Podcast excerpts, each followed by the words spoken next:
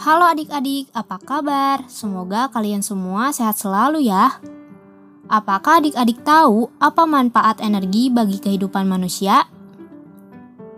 Manfaat energi itu ada banyak. Sumber energi pun ada banyak macamnya loh. Meski begitu, pemanfaatan energi harus dibatasi jumlahnya ya. Yuk kita cari tahu apa saja manfaat energi bagi kehidupan manusia dan sumber energi di bumi ini. Yang pertama, manfaat energi untuk kehidupan di rumah. Di rumah, pasti adik-adik selalu menyalakan lampu di malam hari, bukan? Kita menyalakan lampu agar suasana rumah tidak menjadi gelap. Kita pun bisa menyalakan lampu di rumah karena bantuan dari energi listrik ya adik-adik. Energi listrik juga diperlukan untuk keperluan lain di rumah, mulai dari menyalakan kipas angin, menyetrika pakaian, menyalakan mesin cuci, menyalakan kulkas, dan yang lainnya. Selain di rumah, energi ini juga digunakan untuk listrik di tempat lain seperti sekolah, gedung perkantoran, tempat perbelanjaan, dan yang lainnya. Kita juga mendapatkan energi panas dari gas untuk menyalakan kompor yang digunakan untuk memasak.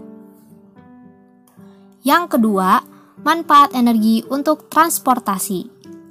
Saat kalian perlu beraktivitas di luar rumah, juga membutuhkan energi loh. Misalnya, kalau kita pergi ke rumah nenek, kita menggunakan kendaraan seperti motor, mobil, bus, kereta, atau pesawat. Nah, untuk bisa bergerak, alat transportasi memerlukan energi dari bahan bakar. Bahkan alat transportasi tradisional juga membutuhkan energi, misalnya kayu tukang beca yang menghasilkan energi gerak. Yang ketiga, manfaat energi untuk berkomunikasi dan hiburan. Manusia juga bisa memanfaatkan energi untuk berkomunikasi dan hiburan. Misalnya, saat beraktivitas dari rumah, kita bisa menggunakan ponsel untuk menelepon atau mengobrol via chat dengan teman atau saudara.